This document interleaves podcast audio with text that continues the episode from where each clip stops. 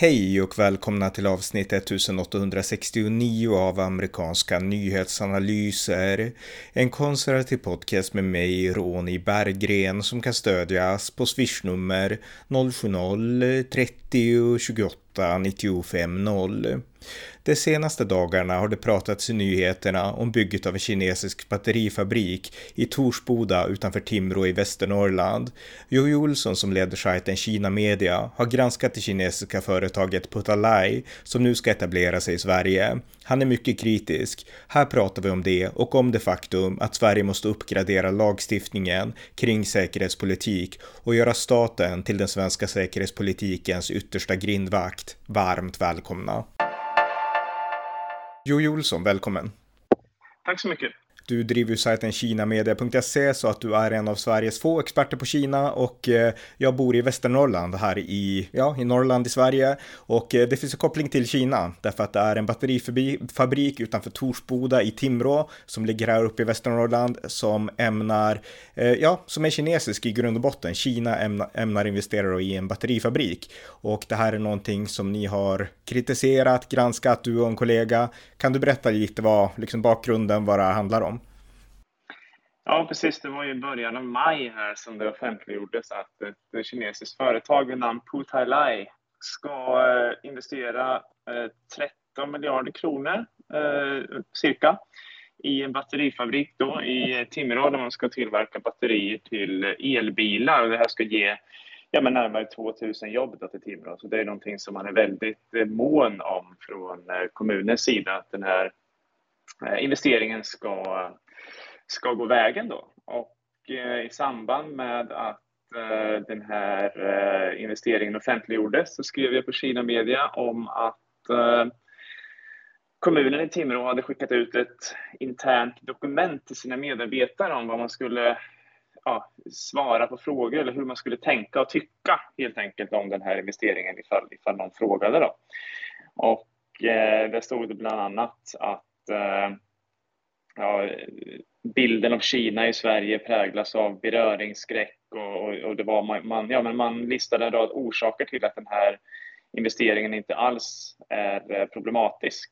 Och jag fick det här eh, dokumentet skickat till mig av en person anonymt som själv hade tagit emot det då och eh, inte tyckte att det var särskilt rolig läsning då att man skulle försvara den kinesiska regimen för att den här investeringen skulle gå igenom. Och eh, tidigare i veckan så Magnus Fiskesjö som skriver på min sida, då, Kina Media. Eh, han hade hittat i, i sina efterforskningar här då att eh, Pudhelai har en, eh, ett dotterbolag i eh, regionen Xinjiang i västra Kina. Och det här är en väldigt kontroversiell region då eftersom det pågår ett eh, ja, men folkmord kallas det av eh, flera parlament, FN har varnat för människorättsbrott och eh, mot etniska minoriteter som eh, ja, sätts i såväl eh, omskolningsläger som slavarbete, tvångsarbete. Och därför är det många länder, exempelvis USA, har helt förbjudit eh, import av varor från, eh, från Xinjiang. Då. Och många länder har infört olika former av eh, sanktioner mot Xinjiang. Och i och med att Putalai har det här eh, dotterbolaget där då, som enligt uppgift ska tillverka eh, material som behövs för tillverkningen av batterier. Eh, och eftersom Putella inte är något av de här största kinesiska företagen, det är ett relativt litet företag i batteribranschen, så kan man ju då misstänka att de här varorna från fabriken i Xinjiang, där tvångsarbete sannolikt förekommer, Eh, Eh, riskerar hamna i batterierna som tillverkas i Timrå. Och eh, det betyder då alltså att eh, ja, den här gröna ja, men gröna satsningen i, i Timrå då, den grundar sig på, ja, men på, den kan grunda sig på tvångsarbete. Och för att avsluta den här bakgrunden då, att vad som gjorde det särskilt misstänksamt var ju att det här kinesiska företaget Putalai har försökt gömma undan Eh, det här företaget. Man listar inte det här dotterbolaget i Xinjiang på sin hemsida. Eh, man ja, man, man, går inte ut eh, med information om att man har det här dotterbolaget då i sin, ja, med sina tillgängliga dokument eller sin hemsida, samtidigt som man listar en rad andra fabriker som, och, och, företag som är ja, dotterföretag som är mindre. Då, så att säga. Mm. Eh, men alltså den detaljen, var det ni som grävde upp den, du och din kollega där på Kina Media? Ja, vi pratade lite om det här eh, när den här investeringen skedde då. Och eh, då kom min, min kollega med det här förslaget för att titta närmare på det här och eh, just den här kopplingen till Xinjiang och eh, sen eh, gjorde han det. Mm. Och Eh, kom, kom tillbaka då med det här eh, resultatet att eh, de har ett dotterbolag i Xinjiang och det här finns ju någonting som finns tillgängligt i kinesiska databaser så det är egentligen bara att gå in där och söka. Så hittar man ju alltså, information om det här dotterbolaget i Xinjiang står listat på Xichacha som är en väldigt ja, men, open source databas över kinesiska företag. Och där står det kontaktuppgifter till en person vars mejladress slutar med putalai.com så det är liksom det, det, går att hitta det här med en googling på internet. Mm. Och eh, den här informationen då, den har ju hamnat i nyheterna, i, i riksmedia också såklart, men även här uppe i Västernorrland. P4 Västernorrland skriver om det och det står om det i lokaltidningarna och så här. Så att nu får ju eh, Torsboda Industrial Park kritik för det här samarbetet med det här kinesiska företaget och eh, alltså man börjar prata om mänskliga rättigheter och liknande. Jag lyssnade på ett klipp där Christian Söderberg heter han som är talesperson eller vd för Torsboda Industrial Park. Han pratade på P4, han nämnde Kina Media bland annat och menade det var liksom en indikation på att det här har ni bara fått från Kina, Kina Media, tyckte att han sa igår på P4. Men, men eh, det pratas om det här mycket, så jag menar, ni har fått stor uppmärksamhet med den här nyheten. Eh, och eh, jag vet inte exakt vad det kan resultera i, alltså vad man, alltså om politiker kan börja ändra sig i tänkandet eller vad tror du själv, alltså om du tänker på konsekvenserna av den här nyheten?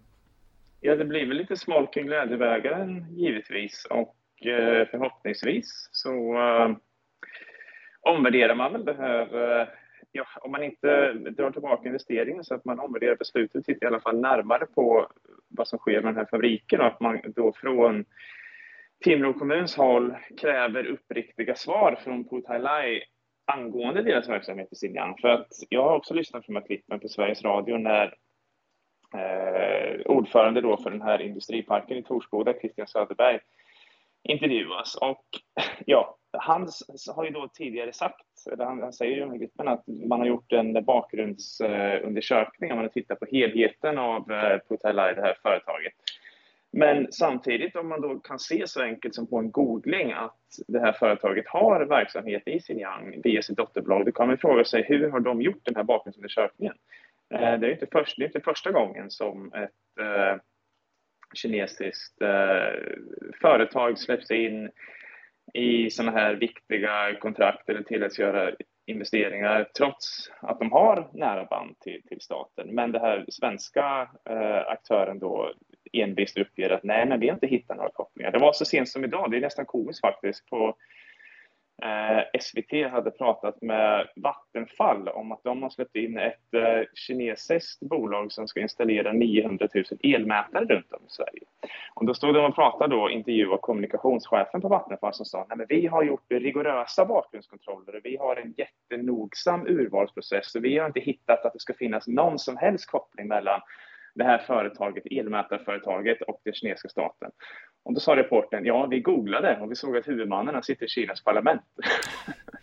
Mm. Så att, eh, ja, man kan ju tänka sig att de här företagen, eh, det här Vattenfall då och sen då eh, den här industriparken i Torsboda och Timrå kommun, de har väl också ett egenintresse av att den här kinesiska parten ska gå igenom de här kontrollerna. Så man kan ju undra då hur, hur, strängt man verkligen gör den här bakgrundskollen. Lägger man ut det på någon konsult kanske som man vet kommer säga att ja, men det här det här är, liksom, det är ingen fara, det är ingen koppling. Eller ännu värre, förlitar man sig på det kinesiska företagets material. Frågar man bara rakt av det kinesiska företaget tar deras ord för godo. Mm. Uh, för att det är det som det här Christian Söderberg på Sveriges Radio i intervjun. Det är inte bara det att han upprepar de uppgifterna som man har fått från Putalai och tar dem som en slags sanning, utan när Sveriges Radios reporter då säger att men vi har tittat närmare på kinesiska företagsregistret och de har anställnings eh, jobbannonser, anställningsannonser ute och, och de har ansökt för att eh, tillverka si och så mycket material. Då säger han bara, nej men ni har felaktiga uppgifter.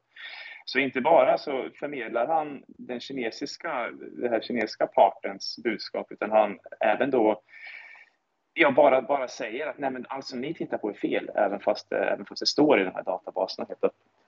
Mm. Nej, nej. Så man gör, verkligen vad, man gör verkligen vad man kan för att försvara den kinesiska eh, samarbetspartnern få de här investeringarna igenom för att det är så viktigt som man verkligen är beredd att eh, ignorera de här eh, eventuella kopplingarna. Dels till Kinas stat och sen de här eh, eh, fabrikerna, eh, verksamheten i Xinjiang också. Man bara skiter i det där eftersom det står, det står tusentals jobb på spel. Mm, precis, och jag menar det finns ju ekonomiska intressen såklart från den här industrimannens sida att samarbeta med Kina för det blir kinesiska investeringar, pengar och politikerna lockas ju av samma sak då. De vill ha godkänt det här därför att de anser att det är bra med jobb i Västernorrland, vilket det såklart är. Men man kan också fråga sig till vilket pris och eh, alltså Eh, om man tar det här lite längre politiskt, jag vet inte hur partierna exakt har röstat, jag kanske ska kolla på det. Men eh, här uppe i Västernorrland, vi har även en fabrik, en aluminiumfabrik i Sundsvall som heter Kubal, som ägs av en rysk oligark, Oleg Dersipaska heter han. Och eh, ja, det här är ju liksom en person, alltså som alla oliga, eh, oligarker med kopplingar till den ryska regimen. Nu har vi börjat få en industrikoppling till Kina, det finns kulturföreningar med kopplingar till Saudiarabien som vill bygga moskéer här i Västernorrland. Det känns som att lokalpolitiker har inte koll alls på det säkerhetspolitiska. För det som har hänt nu i den här globaliserade världen, det är att den här stora världspolitiken och den stora internationella säkerhetspolitiken, den har blivit lokal. Den liksom bromsas inte bara vid regeringen eller vid gränsen, utan den har blivit lokal verkligen. Och det känns som att det här är ett av de senaste händelserna som visar att lokalpolitiker har ingen koll på säkerhetspolitik. Ja, så är det absolut. Och för en handfull år sedan så eh, var ju ett kinesiskt företag som också då hade en ägare som hade suttit i eh, eh ja, motsvarande parlamentets eh, ja, folkets rådgivande konferens, där det ett politiskt organ som sammanträdde tillsammans med parlamentet. Hans företag skulle bygga en djupvattenhamn i Lysekil. Där hade då de lokala politikerna där godkänt. De såg inget problem med det. Det här är ett privat företag, det är listat i Hongkong. De tittade inte heller då på, på ägaren, eller så ville de inte helt enkelt titta. Så det var nära att vi fick en djupvattenhamn på uh, västkusten som ägs av ett kinesiskt företag vars ägare då är högt uh, ja, men högt placerad inom, inom kommunistpartiets politiska värld. Och Eh, ja, i Sverige har vi den här lagstiftningen att kommunerna har en stor frihet när det kommer till beslut om investeringar. Ett annat exempel är givetvis att eh, ja, eh, när Nord Stream 2 byggdes så fick ju ryska företag lagra, ja, lagra rör, förvara rördelar i, i en av de sydsvenska kommunerna. Och det här är en lagstiftning som vi har därför att ja, underlätta den byråkratiska processen och, och överlämna beslutsfattandet till lokala politiker som borde ha mer lokalkännedom.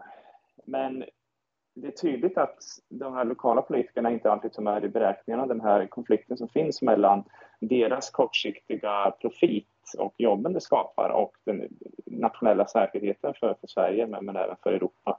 Och Eh, ja, det, Sverige håller på nu som en konsekvens av det här att utarbeta en lagstiftning där det ska vara en det ska tillåtas en större granskning från eh, centralt håll, från eh, regeringshåll mot, eh, ja, när det kommer till sådana här investeringar, just för att man ska kunna stoppa de här investeringarna som lokala politiker gång på gång på gång bjuder in Kina och Ryssland och andra andra intressenter att göra. Ja, men, men alltså det här var jätteintressant för att jag, alltså, jag visste inte det här utan man tar bara för givet som medborgare att okej, okay, det lokala som händer här, det sköts av lokalpolitiker, men annars har vi regeringen som är liksom den stora grindvakten mot internationell påverkan och regeringen har sina myndigheter, de har Säpo, de har säkerhetspolis, alltså de har liksom, ja men allt sånt. Så att vi kan vara trygga mot yttre hot, för det sköter regeringen, det är så man tänker, men, men det är alltså inte så. Alltså när, det, när det kommer till det här exemplet med Nord Stream, då om jag inte minns fel, så gick regeringen ut och sa rakt av och avrådde kommunen att gör inte det här, gå inte med på den här lagringen för att vi kommer ha eh, personal från Gazprom på svensk mark och det är en säkerhetsfara. Men kommunen ja, sa att ja, vi noterar det här, men vi eh, går vidare med det här ändå eftersom beslutsfattningen finns hos eh, kommunerna på lokalt håll medan regeringen i, i det här fallet bara kan göra rekommendationer. Och den här djupvattenshamnen som jag pratade om i Lysekil, det minns jag för att det var också jag på Kina Media som avslöjade de här planerna för jag fick eh, ja, de här eh, planerna skickade till mig från någon som hade varit involverad i, i de här förhandlingarna och som inte heller var eh, särskilt glad över utvecklingen. Och eh, där stoppades ju de här planerna på grund av att det byggdes upp en politisk press, eh, påtryckningar helt enkelt, eh, medvetenhet, det var protester lokalt och så vidare. Så att där hade de lokala politikerna inte heller opinion lokalt då för att gå vidare med den här investeringen. Men, men även där så var det ju inte centralregeringen, det var inte vår regering som kunde gå in och stoppa det här utan beslutsfattningen ligger ju hos eh, lokalpolitikerna och det är ju väldigt farligt när vi har länder som Ryssland och Kina mm. eh, i, i, det, ja, i dagens geopolitiska miljö. Ja, nej men två saker om det. Först en politisk appell till rikspolitikerna. Jag menar, många lyssnar på den här podden.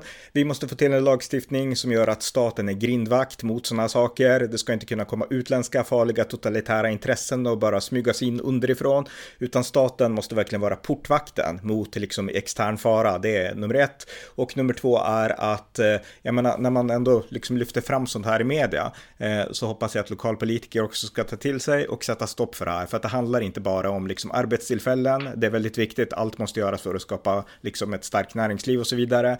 Utan här handlar det om säkerhetspolitik. Alltså Sverige kan inte sälja ut sig till liksom skurkstater som Ryssland och Kina och Saudiarabien och liknande. Utan vi måste tills vidare åtminstone vara våra egna grindvakter. Och det kräver ju att politiker liksom tänker säkerhetspolitiskt också. Och jag tror enda sättet att få dem att göra det, det är att lyfta fram sånt här i media. Så att, eh, ja. Mm, och det är lite knepigt med den här situationen med just den här batterifabriken därför att Sverige är inte det enda landet där Kina har investerat i en batterifabrik på sistone utan det har man gjort i en handfull europeiska länder. Eh, Kina är ju världsledande på många vis inom just elbilssektorn då. Och eh, om, eh, ja, nu vill man ju expandera så att man kan skaffa sig ett monopol på elbilar. Eh, om Kina skulle bli världsledande och eh, även internationellt sett då att man, eh, kinesiska företag stod för ja, men 90 procent eller närmare alla elbilar som säljs. Då skulle man kunna använda det som ett geopolitiskt vapen. Att länder då som inte lyssnar på Kinas eh, politiska eh, önskemål, ja, de kanske då inte kan få eh, köpa lika mycket elbilar av kinesiska företag. Den här klassiska utpressningstaktiken som vi har sett flera gånger tidigare då eftersom kommunistpartiet styr över de privata företagen i Kina när, när de vill att de privata företagen ska gå med på någonting, sätter ut riktlinjer, så kan de för, privata företagen inte gå emot då partiet. Men om man tittar då på den här fabriken. Och det, om jag får skjuta in en sak innan du går vidare till fabriken, det är en viktig poäng att göra, för att jag tror att många lokalpolitiker, de förstår inte ens det här fundamentala, att eh, så kallade privata företag i Kina, det är inte privata företag på samma sätt som här i Sverige, utan i Kina så styrs allt i grund och botten av kommunistpartiet, som är världens största liksom, totalitära parti. Ja, så de vill inte förstå, tror jag. Det är det det handlar om. Utan, eh, man vill helt enkelt bara kunna hänvisa till att det här är ett privat företag, mm. för att investeringen ska kunna gå igenom. Och det här, ja, att det handlar om ett privat företag är ju fullständigt irrelevant. Av, av, ja, vi kan bara ta två stycken anledningar till det. Den första är att det finns en lagstiftning i Kina sedan en handfull år tillbaka som gör gällande att alla eh, medborgare, men även företag, måste samarbeta med polis och myndigheter i Kina om de vill ha information. Eh, eller i, i deras brottsutredningar så måste de samarbeta. Det är den kinesiska lagen. Så enligt lagstiftningen i Kina så, finns, så går det inte att separera privata företag från staten eftersom staten alltid kan befalla de privata företagen att göra vad de vill. Men sen en andra punkt som jag tycker också är väldigt intressant som inte kommer upp lika ofta. Ja, det är ju att de här företagen som är privata som är listade i Hongkong eh, eller listade i Kina. Det är ju helt irrelevant för att vi kan ju dra exempel på lite andra företag som är listade i Hongkong och Kina. Du har Bank of China, du har kinesiska järnvägsföretag, du har China Mobile, China Telecom. De här är också listade i Kina, men det är ingen som tror att de är privata för det. Utan det här är bara ett sätt som man lägger utanför börsen för att man ska kunna få eh, privat kapital som, som det fungerar i alla, andra, i alla andra länder. Så listningen i, i, sig, att de är listade på de här börserna, det spelar ingen som helst roll ur, ur den synpunkten då att de skulle vara privata eller fristående från staten. Så där kan vi ju dra streck över den argumentationen som, som används hela tiden i Sverige. Mm. Ja, men fortsätt med fabriken där du var ja. Mm. Mm. Så om man jämför med en djupvattenhamn eh, eller eh, ryska Gazprom-anställda på svensk mark så utgör ju inte en batterifabrik samma nationella direkta säkerhetsrisk. Eh, utan det här är ju en del av ett eh, längre spel. Eh, redan idag, då, som jag pratade om, så är Kina dominerar ju inom, inom elbilar då och eh, redan idag så är det väldigt svårt att köpa en elbil utan att det är någon kinesisk komponent i den. Och Kina står för en stor del av de här sällsynta jordartsmetallerna eh, som är väldigt viktiga för, eh, för elbilar och man, man kommer då fortsätta att expandera sin kapacitet inom den här sektorn. Och då kan man fråga sig, vill man hjälpa kinesiska företag och i förlängningen den kinesiska staten att etablera det här monopolet som man håller på att etablera inom en så viktig sektor som elbilar? Vi har sett samma ambition med exempelvis ja, telekom. Vi kan ju ta telekombolaget Huawei som ett eh, exempel då. Det höll på att bli världsledande inom 5G. Konkurrera med Nokia och Ericsson.